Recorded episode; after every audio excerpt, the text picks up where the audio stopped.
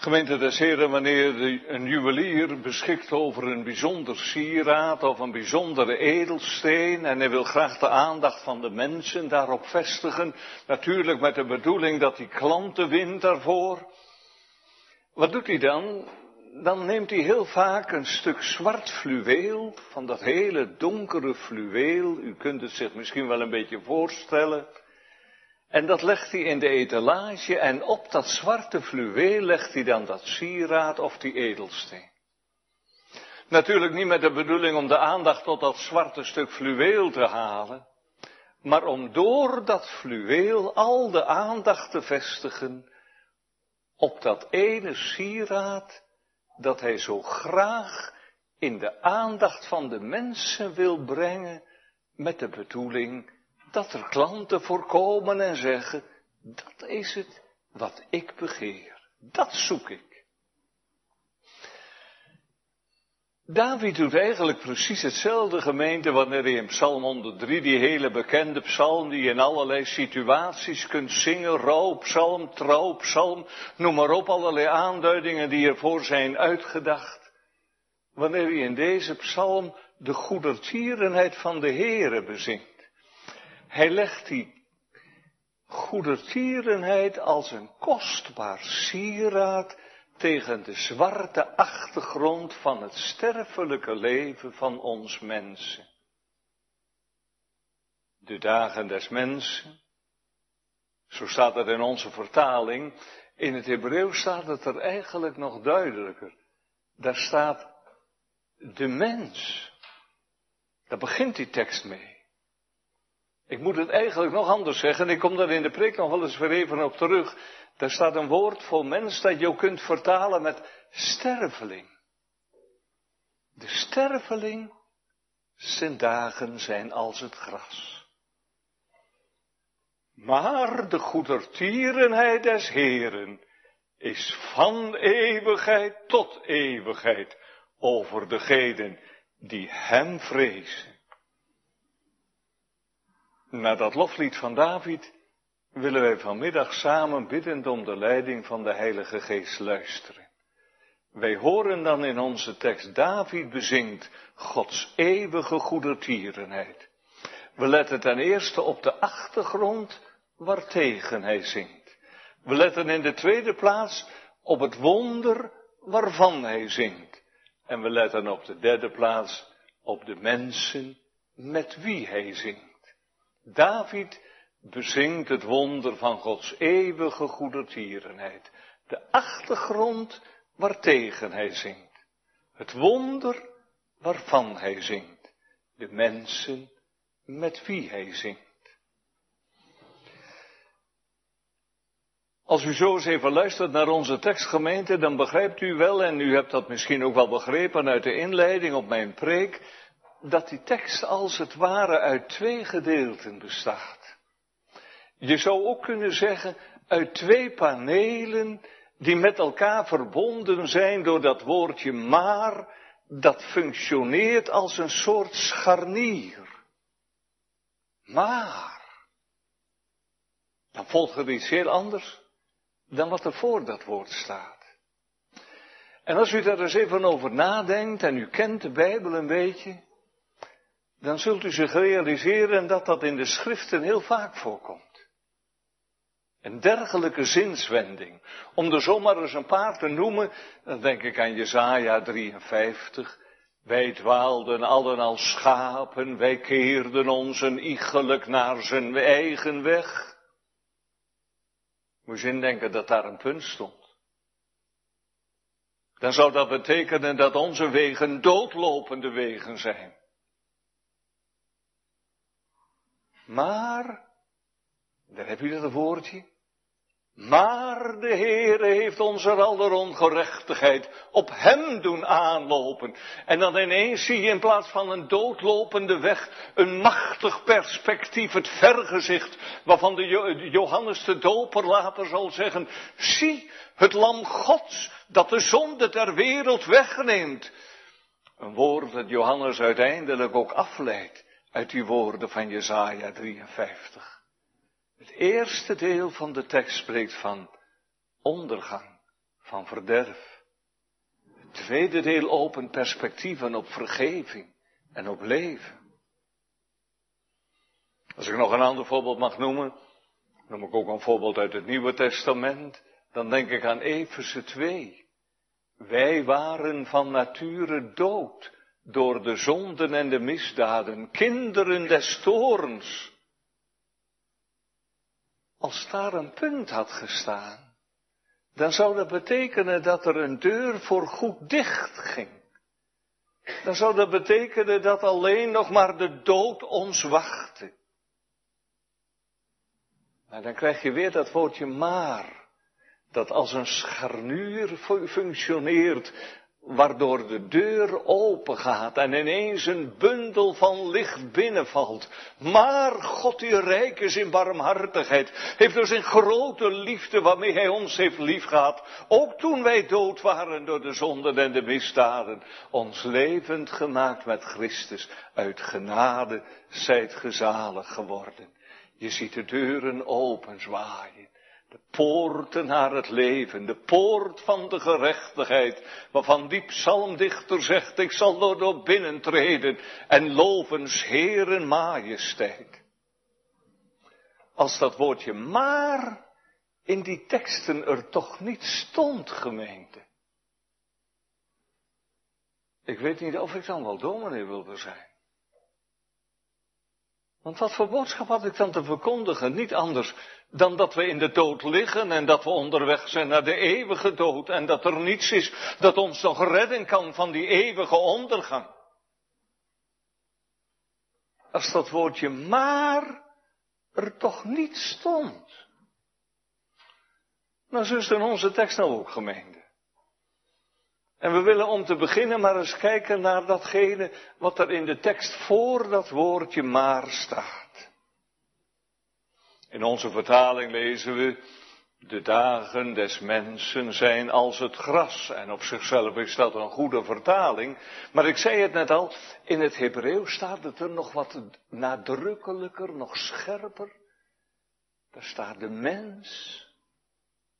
Maar dan staat er voor mens een woord in het Hebreeuws dat we daar niet zo tegen zouden komen. Als ik het aan u zou vragen. Het woord mens, wat is dat in het Hebreeuws? Er zitten er hier vast wel in de kerk die dat wel weten. Die zeggen ja, mens. Dat is de naam van de eerste mens geweest, hè? Adam. Mens betekent dat. Maar dat staat er in onze tekst niet. Er staat dus niet de mens, Adam, zoals hij door God geschapen is, goed en naar zijn evenbeeld. Er staat een ander woordje. Ook een naam in het Hebreeuws. Ook vanuit die beginhoofdstukken van het Oude Testament. Misschien weet iemand van ons die naam ook wel. Niet Adam, maar Enos. Enos.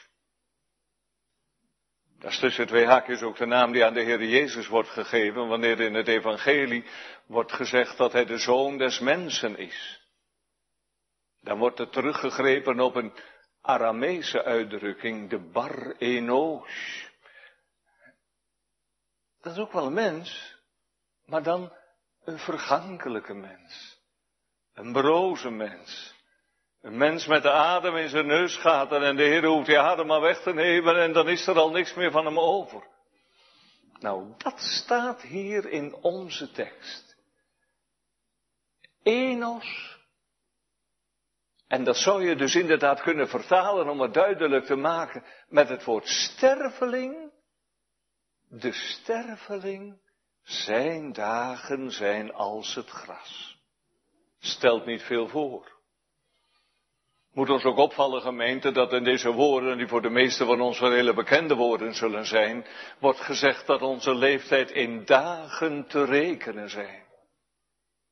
Zoals we dat ook wel eens tegen elkaar zeggen, zeker wanneer mensen ouder worden. Wij zijn mensen van de dag. En daarmee bedoelen we te zeggen, we hebben niet zoveel meer te verwachten in dat opzicht. We hebben geen heel lang leven meer voor ons. En wat zijn het een duidelijke beelden dan in de tijd waarin de Bijbel geschreven is, zowel als in onze tijd, wanneer we dan nog eens verder luisteren naar onze tekst. Die sterveling zijn dagen zijn als het gras. Nou, dat kunt u zich denk ik voorstellen op het moment. Boeren die, die gras maaien, dat zal meestal wel de tweede snee zijn die ze van het land halen, misschien al wel een derde, dat weet ik ook niet zo precies, want daar in die wereld ben ik niet zo bekend. Maar dan zie je de ene dag dat grasland met het glanzende gras in deze tijd van vruchtbaarheid. En in de Bijbel was het dan zo, dan ging de woestijnwind erover. Wij zouden vandaag misschien zeggen, de maaimachine gaat erover. En wat is het gevolg? Dat je een volgende dag niks van die glans meer terugvindt. Het is verdord. En het duurt niet lang of het wordt bruin. Dat andere beeld in de tekst bloeien als een bloem, dat kunnen we ons natuurlijk ook wel voorstellen. En dan moet u vooral denken aan veldbloemen die prachtig kunnen zijn. In de bermen die tegenwoordig niet zo vlug meer worden leeggehaald en zeker niet met onkruid worden, worden bearbeid. Die prachtige kleuren hier en daar in deze tijd. De, de, de koekoesbloemen of de kievitsbloemen en, en, en, en de klaprozen en andere kleuren. Het is net als een schitterend boeket.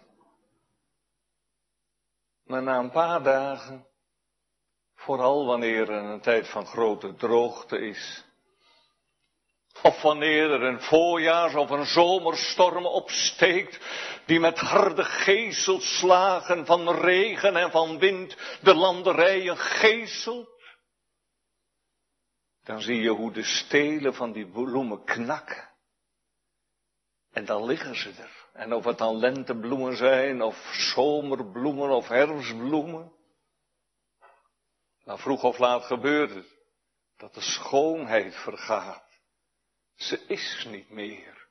En haar plaats kent haar niet meer. Zo vergankelijk. Er is niks van terug te vinden, zegt de dichter. En het is de bedoeling, gemeente, dat we goed in de gaten hebben dat hier vanmiddag gezongen wordt van ons leven. Ons vergankelijke leven. Ons leven dat aan de dood onderworpen is. Oh, dat leven heeft wel iets van schoonheid. Dat leven dat kan bloeien als een bloem op verschillende manieren. Denk u maar aan zo'n kleine baby in de wieg. Vorige week zondag werd ik voor de tiende keer van mijn leven opa.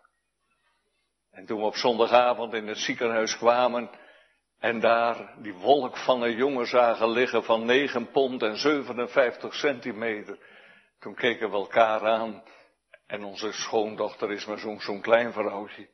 En toen zeiden we, hoe bestaat het nou toch, hè? Zo'n prachtige baby. Alles erop en eraan. Prachtig, als een bloem. Je kan denken aan een meisje dat opgroeit en dat zo'n mooi lichaam heeft. Sieraad. Anderen zijn er soms jaloers op.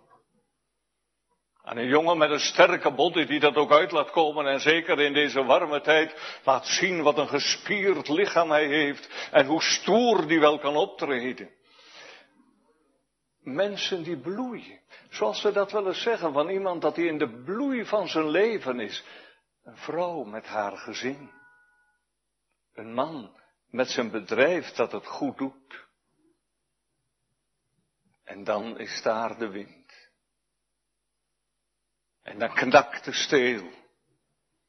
En je ziet het een voorjaarsstorm. Je ziet het ook, en misschien komt het dan nog wat dichterbij, en dan begrijpen de kinderen het ook nog wat beter. Aan een vaas met bloemen die op tafel wordt gezet. Die bloemen zijn afgesneden van hun wortel en aanvankelijk lijkt het nog wel heel wat. Prachtig, zeggen we. En dan komen we binnen en dan zeggen de kinderen, moeder, wat heb je daar mooie wolf bloemen staan? En moeder zegt, ja, die heb ik gekregen van je vader. Maar een paar dagen, En dan zie je dat de glans eraf gaat. En misschien blijven ze wel een hele week mooi, dat kan soms gebeuren. Maar dan komt er een moment dat moeder zegt, gooi ze nou maar weg. Want de glans is er helemaal af. En je ziet het voor je, is het niet waar? Een kind. Nog in de knop. En dan is er iets waardoor het leven eruit wordt weggenomen. Zo'n veelbelovende jongen. Zo'n mooi meisje. Niet meer, zegt onze tekst. En dat staat er twee keer. Zo is hij niet meer en haar plaats kent haar niet meer. En in gedachten staan sommigen van ons misschien wel op dit ogenblik bij een ziekbed dat een sterrenbed werd. Bij een kist waarin het lichaam van een geliefde ligt. Bij een open graf waarin we een lichaam dat we gekoesterd hebben neer moeten leggen. En wat gaat het snel? Als dat het leven is, zeggen de mensen dan. En dan lees je soms in een advertentie of in een omschrijving, in de bloei van het leven zomaar weggerukt. En zo betrekkelijk. Wie denkt er nou vijftig jaar nadat iemand overleden is nog aan iemand terug? Dat is de realiteit toch? Wij vallen weg. En het leven gaat gewoon door. Ik moet nog wat concreter worden, gemeente, want het lijkt nou alsof ik het over het leven heb als iets heel algemeens en iets dat buiten ons staat, maar het gaat hier over ons leven. Dat gebeurt wel eens, hè? Dan overlijdt er iemand in je omgeving heel plotseling. En dan zeggen we tegen elkaar, had je dat nou gedacht? Ik heb hem gisteren nog gezien op de markt. Maar we konden het weten, gemeente. En we worden eraan herinnerd. Elke keer ook wanneer we Psalm 103, vers 8 zingen. Gelijk het gras is ons kortstondig leven. Met andere woorden, wij zingen in die psalm, zo ben ik. Dit geldt van mij. Ik ben stof dat tot stof wederkeert. En dat mag u best heel letterlijk nemen. Als ik dat zeg dat mensen stof zijn, dan moet ik nog vaak denken aan die oude ouderling in de gemeente van Tolen in de tijd dat ik in mijn eerste gemeente in Zeeland stond. Dat een broeder met een heel eigen taalgebruik.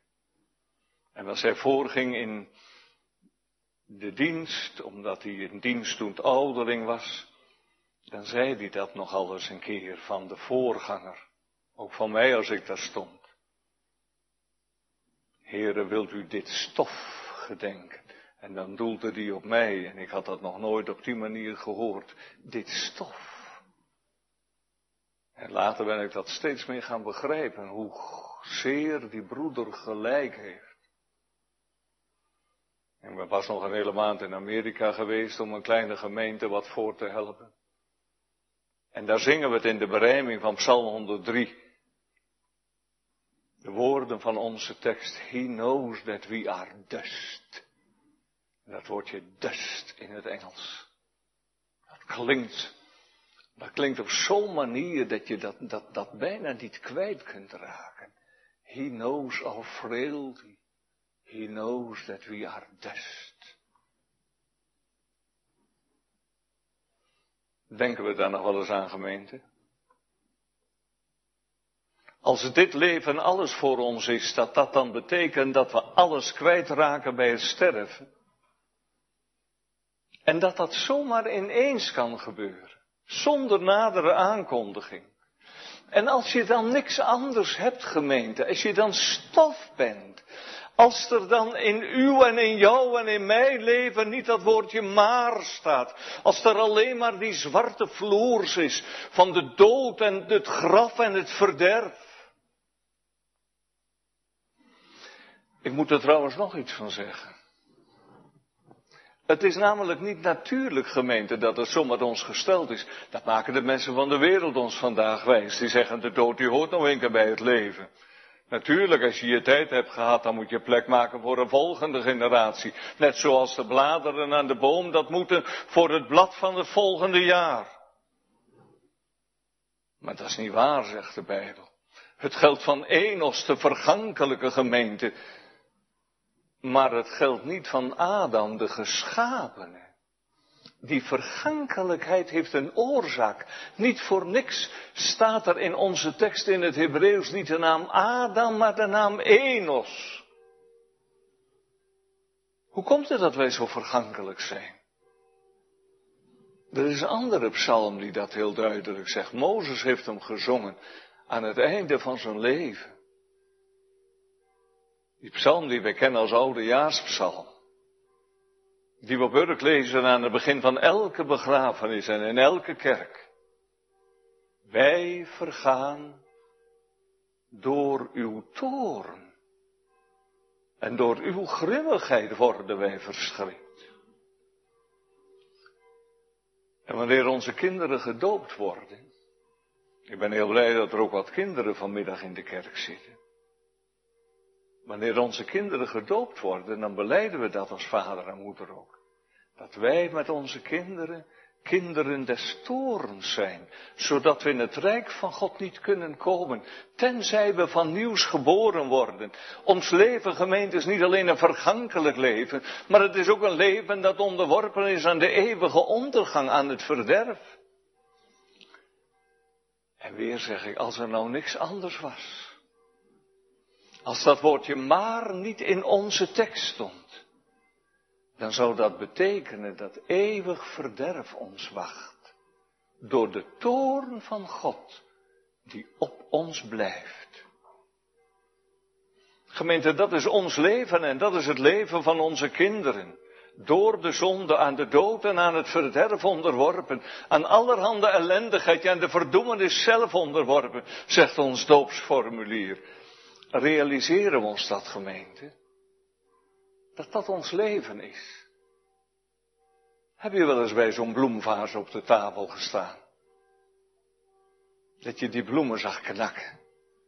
Of dat je terwijl ze de vorige dag nog prachtig in de bloei stonden, zo ineens die mooie gekleurde bladen laten vallen, de ene na de andere, en er is niks om het tegen te houden realiseren we ons dat dat het beeld van ons leven is. Kijken we onszelf er wel eens op aan, gemeente. Zo ben ik nou. Zo zijn mijn kinderen nou. Gelijk het gras. Gelijk een bloem. En als dan de steel van ons leven knakt. En wat kan er gauw gebeuren, hè? Onderweg hier naartoe hoor ik van dat helikopterongeluk op de Maasvlakte. Drie mensen die zomaar van het ene moment op het andere tijdelijke met het eeuwige moeten verwisselen. Als dat ons overkomt. Het wordt snellijk afgesneden, zegt de Bijbel. Als ons dat nou gebeurt, gemeente, waar zijn wij dan?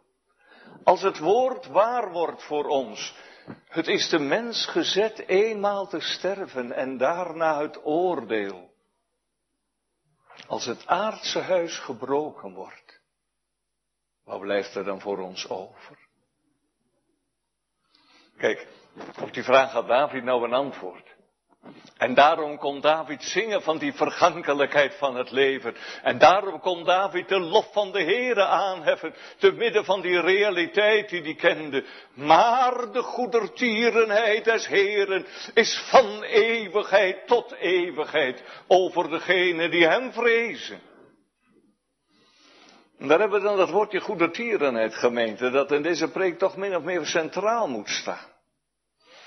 En als u bij de Bijbel bent opgegroeid, dan weet u wel dat dat woord een woord is dat in de Bijbel heel vaak voorkomt. Al komt het buiten de Bijbel niet voor en in ons spraakgebruik ook niet meer. En dat is zo moeilijk, want eigenlijk is er geen goed ander Nederlands woord voor te bedenken. Ik heb het heel vaak aan mijn catechizanten gevraagd in de loop van de jaren. Jongens, weten jullie wat goede tierenheid betekent? En dan keken ze even wat aan, dan zeiden ze, nou ja, dat zal wel zoiets zijn als goedheid.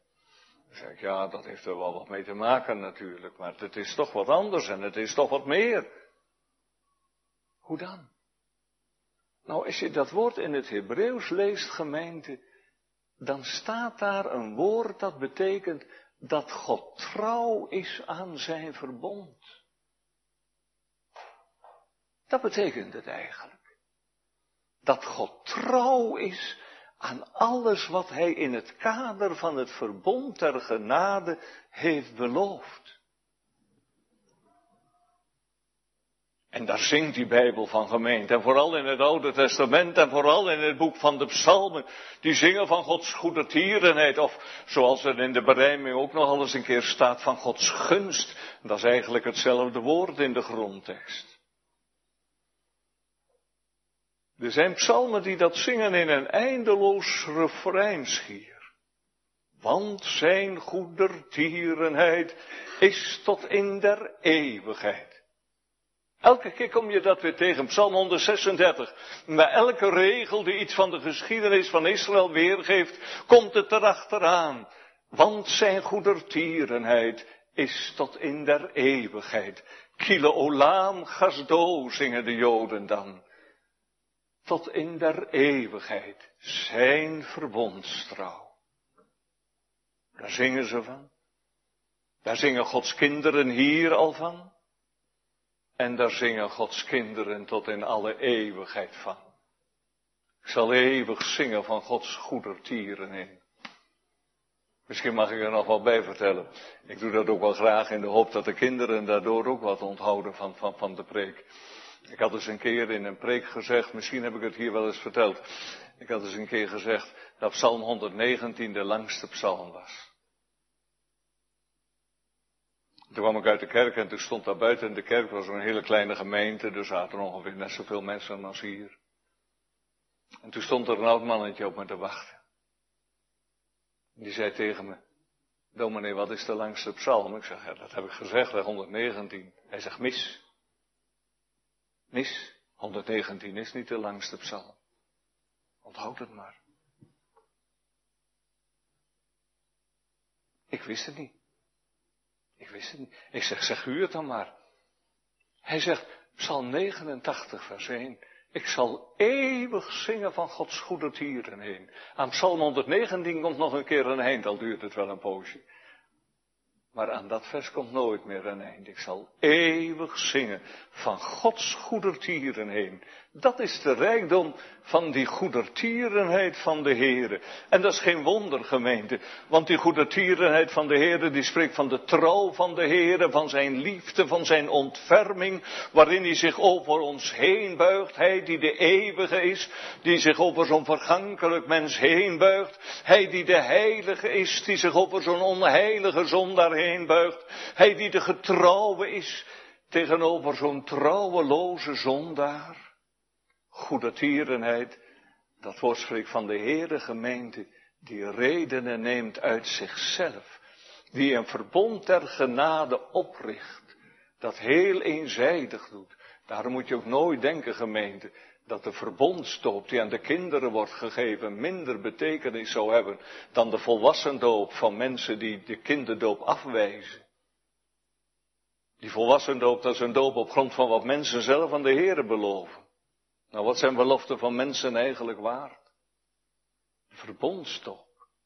Dat is een belofte van de Heer die eenzijdig zijn verbond opricht.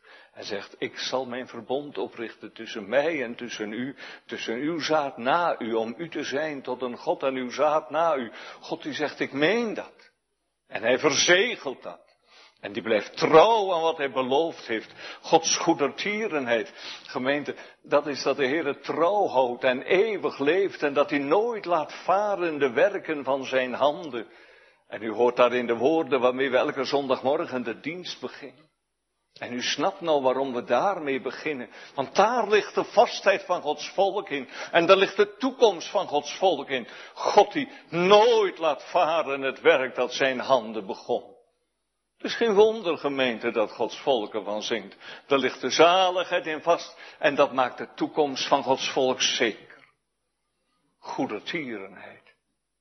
Daarvan zingt David, wanneer hij Gods weldaden opzomt. En dat doet hij in deze psalm, wanneer hij laat zien dat uit die goedertierenheid van de Heere al die verschillende weldaden opkomen. Welke dat zijn, zegt u? Dan pakt u je Bijbeltje maar bij. En lees het maar. Vanaf het begin van de psalm. Die al uw ongerechtigheid vergeeft. Gemeente, dat is het eerste. En dat is het grootste van de goedertierenheid van de Heere. Al uw ongerechtigheid. Nou, David weet er een klein beetje van langzamerhand wat dat is. Want hij is erachter gekomen dat hij een zonde ontvangen en geboren is. En dat hij die zonde met zich meedraagt als een verschrikkelijke erfenis uit het voorgeslacht. En in een andere psalm zingt David van de zonde van zijn jeugd. En u hoort wanneer hij zingt over God die al uw ongerechtigheid vergeeft, dat wonder, dat God naar zo'n mens die zo diep gevallen is om wilde zien. En u weet wat er in het leven van David na zijn jeugd is gepasseerd. De zonde met Bathseba, de zonde met de volkstelling, de zonde van de moord op Uria. Zo diep gevallen, zo onwaardig, zo gezondigd tegen een goeddoend God. En wat had die God hem opgezocht? En wat had die God zijn trouw betoond? En wat had die God in de weg van ontdekking en van verootmoediging en van schuldbeleidenis hem geleerd het wonder van de vergeving? Gij vergaaft de ongerechtigheid mijner zonde. En dat niet één keer, maar telkens en telkens weer in onverwrikbare trouw. Dat is Gods goedertierenheid, gemeente. Daarom is de dichter van deze psalm niet vernield. Daarom is aan hem genade bewezen. En het is die goedertierenheid van de Heere gemeente die zijn leven leidde. God die als een leidsman hem bij de hand nam en hem de weg wees. Prachtig is dat, hè. Ik daar ook nog weer even een voorbeeld van mag noemen. Ik was gisteren in Goes in het ziekenhuis om een wat oudere broeder uit Kerkwerven te bezoeken. Ik had gehoord dat hij ineens ernstig ziek was opgenomen. En in het verleden hadden we nogal het een en ander met elkaar meegemaakt. Ze hebben zelf geen dominee momenteel. Dus ze zeiden, wil u er niet even naartoe gaan? En dat heb ik gedaan. Hij was een klein beetje opgeknapt. En ik probeerde bij hem zo'n echte gesloten zeeuw probeerde bij hem een klein beetje te ontdekken, hoe zit het nou geestelijk met je?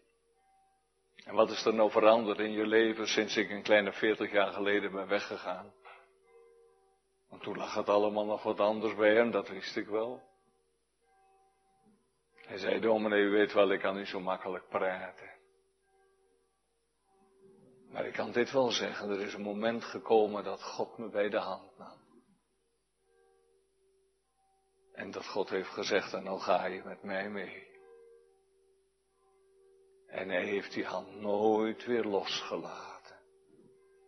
Nou, dat is de goedertierenheid van de Heere gemeente, die het in zijn wijsheid zo goed kan maken. En waar David dan nog meer van zingt in deze psalm, die al uw krankheden geneest. Deze goedertieren, God is ook de heelmeester van alle kwalen.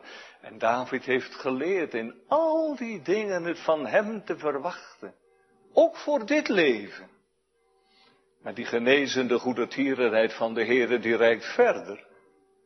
David weet, die heeft ook een antwoord op die krankheid die tot de dood leidt.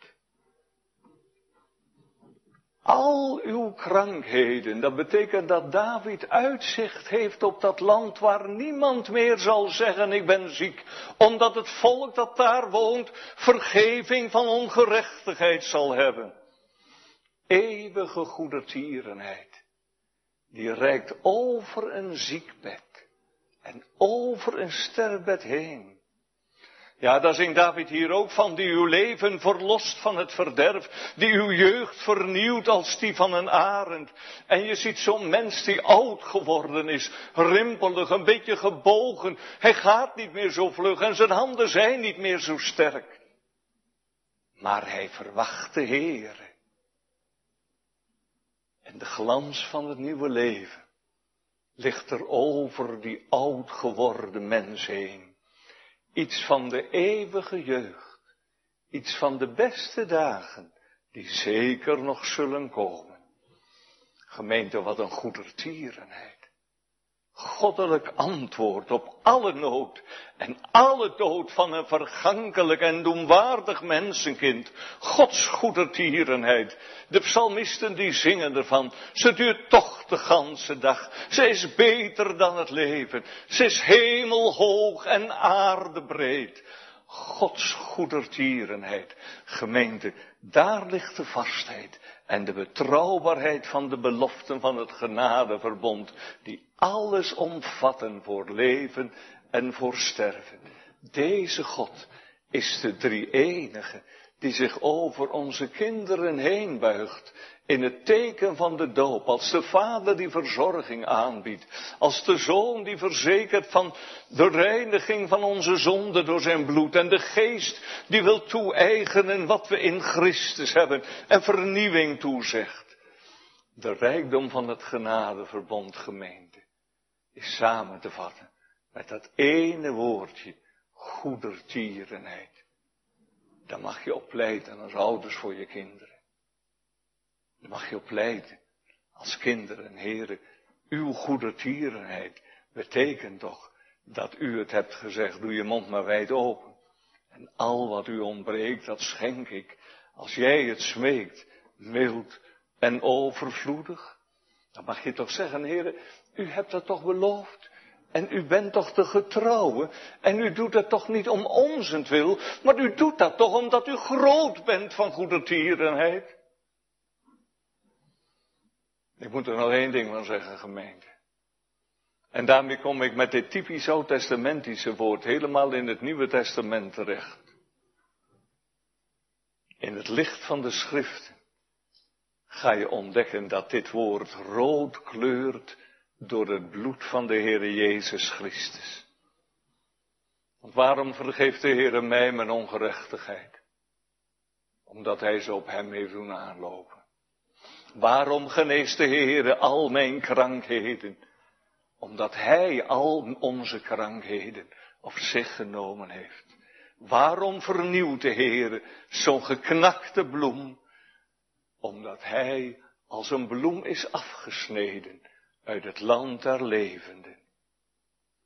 En dat woord gemeente is vol ook van de geest van de Heere Jezus die het dode levend maakt, die het gebrokene heelt, die het zwakke sterkt, die de weldaden van Christus toepast en deelachtig maakt in het leven van een zondig mensenkind.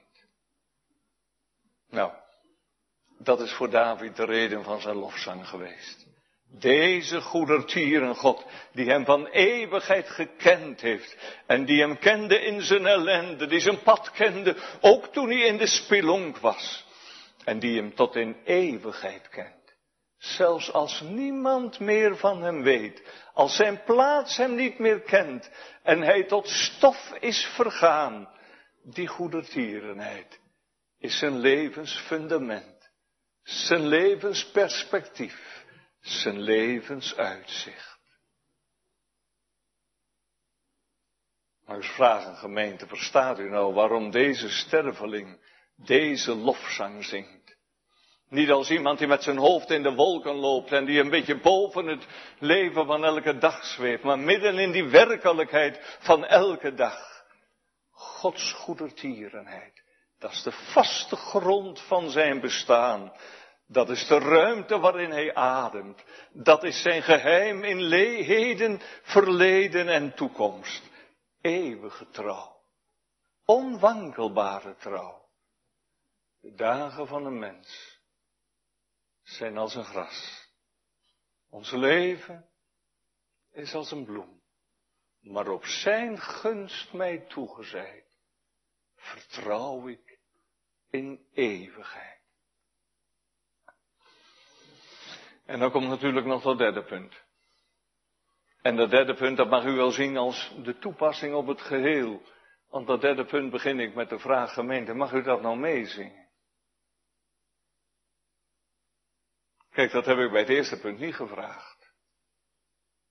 Want dat zou vragen zijn naar de bekende weggemeente. Dat eerste punt, dat geldt van ons allemaal. Alle mensen moeten sterven. Je kan hoog springen, je kan laag springen, je kan denken het duurt nog een hele tijd. Je kan denken ik wil er niet aan denken. Maar het komt voor ons allemaal. De dagen des mensen zijn als het gras. Maar er is meer, zegt onze tekst. En dat is verschil gemeente tussen wat wij hier in de kerk vanmiddag mogen horen en wat mensen waar ze dan ook buiten de kerk zoeken vandaag nooit zullen vinden. Dat woordje maar. Staat dat woordje maar met gouden letters in uw levensboek.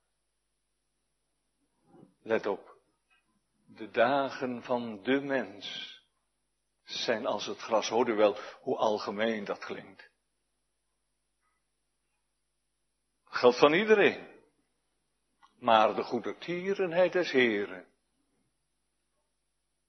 Wat staat er dan? Is voor degenen die hem vrezen. Nou gemeente, ik vraag u, hoort u daarbij? Calvijn zegt, weet u wie dat zijn? Dat zijn gelovigen die door de geest Gods wedergeboren hem met ware godsvrucht dienen en op zijn goedertierenheid hopen. Kijk, als die mensen naar zichzelf kijken, en dat zeg ik maar omdat er misschien nou in ons midden zijn die dat al druk bezig zijn te doen, als zulke mensen naar zichzelf kijken, dan vinden ze geen enkele grond. En dan lopen ze met al deze dingen vast. Want dan horen ze David, over het loven van de Heer en het vrezen van de Heer en het verbond houden en de bevelen doen van de Heer. En dan zuchten ze. Misschien zucht u dan toch ook wel, omdat u dan naar uzelf kijkt en dat u zegt, nou, mag ik het nou eens wat anders vragen, gemeente? Gaat uw hart daar naar uit? Dat u zegt, de Heer is het zo waard om geloofd en geprezen te worden. En ik verlang er zo naar om voor zijn ogen naar zijn bevelen te leven. Heb je er inderdaad lust in om de Heere te vrezen? Het allerhoogste en eeuwig goed. Is het waar als je meezingt met die psalm, gun leven aan mijn ziel. Want dan zal mijn mond u loven, Heere. Kijk, als dat nou allemaal in je leven ontbreekt, dan moet ik u vanmiddag wel waarschuwen, gemeen. Want de toorn van de Heere die blijft op allen die hem niet vrezen. Moet je indenken. Eeuwige toorn. Eeuwig verderf. En dat dan het deel zal zijn van u. Maar ook van uw kinderen die u meeneemt in datzelfde spoor. Ja, maar zegt iemand, ik durf mijzelf er niet toe te rekenen. Ik zie zoveel zonde in mijn leven. Let nog eens even op dat woordje goedertierenheid. Je kijken hoe de Heere zich daarin over zo'n mens heen buigt. Zo'n mens die van zichzelf moet zeggen, wie aardest, ik ben stof van jongs af geweest. En wat zegt de Heere tegen zulke mensen? Dat hoort ook bij de goedertierenheid van de Heere die in deze psalm gezongen wordt. Een van de mooiste regels uit de berijming van deze psalm. Wat zegt de Heer? Tegen zo'n mensje nietig stof en as. Ik ben het die aan u mijn vriendschap biedt. Nou, dat is toch een wonder? Dat is toch groot? Ik ben het die aan u mijn vriendschap biedt. Hij doet dat. Hij zegt, ik werp uw overtredingen achter mijn rug in de zee van de eeuwige vergetelheid. Hij doet dat. Kijk, en waar je dat nog gaat zien, gemeente, daar krijg je zo'n hartelijk verlangen om de Heere lief te hebben. Om de Heere te dienen. Om de Heere te vrezen. Want dat is het toch ten diepste. Dat je dan mag zeggen, loof de Heere mijn ziel. Dat je zegt, die God is het zo waard dat Hij in mijn leven aan zijn eer komt. zegt iemand. Maar let eens op David. Hij moet zichzelf vermanen in deze psalm. Loof de Heere, moet hij tegen zijn eigen ziel zeggen. En dat zegt hij niet zomaar, maar dat zegt hij omdat dat er nog alles aan ontbreekt. En hij moet tegen zichzelf zeggen, vergeet niet een van zijn weldadigheden. En dat is alleen maar een bewijs dat hij dat wel doet. God komt aan ons elke dag tekort, gemeente. En wij vergeten zo snel. En toch is dat toch de grondtoon van je hart. Is dat toch de grondlijn van je leven. Die vrezen des Heren, hun die zijn verbond en woorden als hun schatten leren gadeslaan. U zegt, de Heer is zo groot. En de Heer Jezus is zo vol van genade. En de Heilige Geest is zo noodzakelijk. Kijk, en die trouw van de Heer die reikt dan ook verder. Die reikt ook naar de kinderen en naar de kindskinderen. Een belofte voor het nageslacht dat de Heere zoekt te vrezen. Een kleine jongetje waarvan ik hoop dat hij bij het opgroeien opa tegen me zegt. Hij woont niet op Urkant, dan zou hij het wat anders zeggen. Maar dat hij opa tegen me zegt. Toen ik hem in mijn armen hield. En van mijn zoon gehoord had dat ze Micha zouden noemen. Toen heb ik dat maar zachtjes tegen hem gezegd daar in het ziekenhuis. Klein jongetje. Ik hoop dat jij dat leert. Wat jouw naam betekent. Wie is een God als gij? Groot van macht en heerschappij. Wie is een God als gij die armen opricht uit het slijk, nooddruftigen van elk verstoten, goedgunstig opheft uit het stof. Gods goedertierenheid door de geslachten heen, dat is een troost. Als kinderen vroeg wegvallen, misschien zit er wel hier iemand. Die er al lang met pijn in het hart weer aan terug heeft gedacht. Dat is een troost. Ook als je kinderen groter worden. Je mag weten, de Heer is de getrouwe. En zijn trouw rust zelfs op het late nageslacht. Nee, genade is geen erfgoed, gemeente. Maar de Heere werkt in de lijn van de geslachten. Daarom is zo'n geweldige zegen als je moeder hebt, die met haar hart zingt in huis. Wie heeft lust de Heere te vrezen? En dat je merkt, dat is ze nou, wat ze zo graag aan ons gunt. Dat is zo'n zegen als je een vader hebt, die met de Heere worstelt om zijn genade in het leven van zijn kinderen.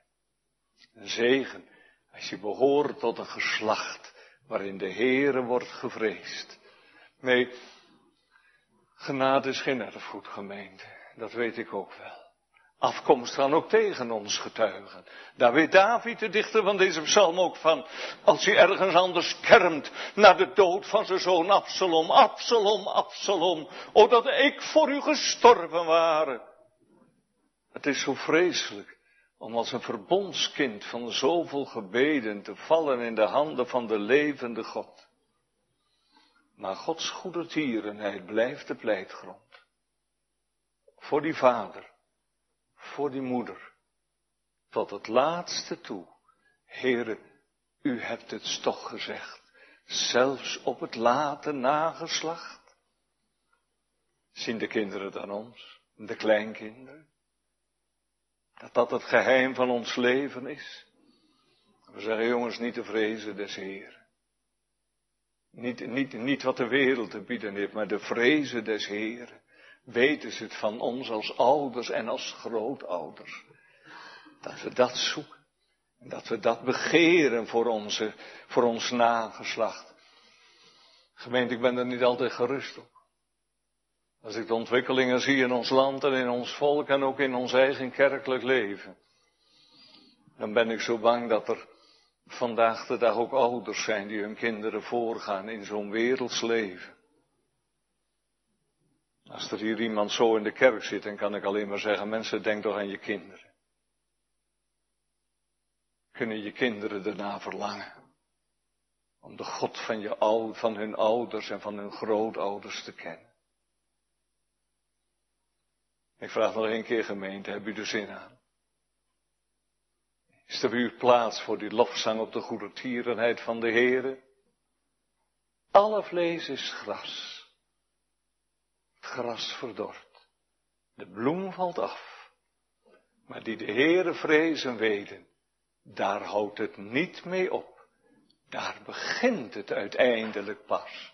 Ik zal eeuwig zingen van Gods goedertieren heen. Amen.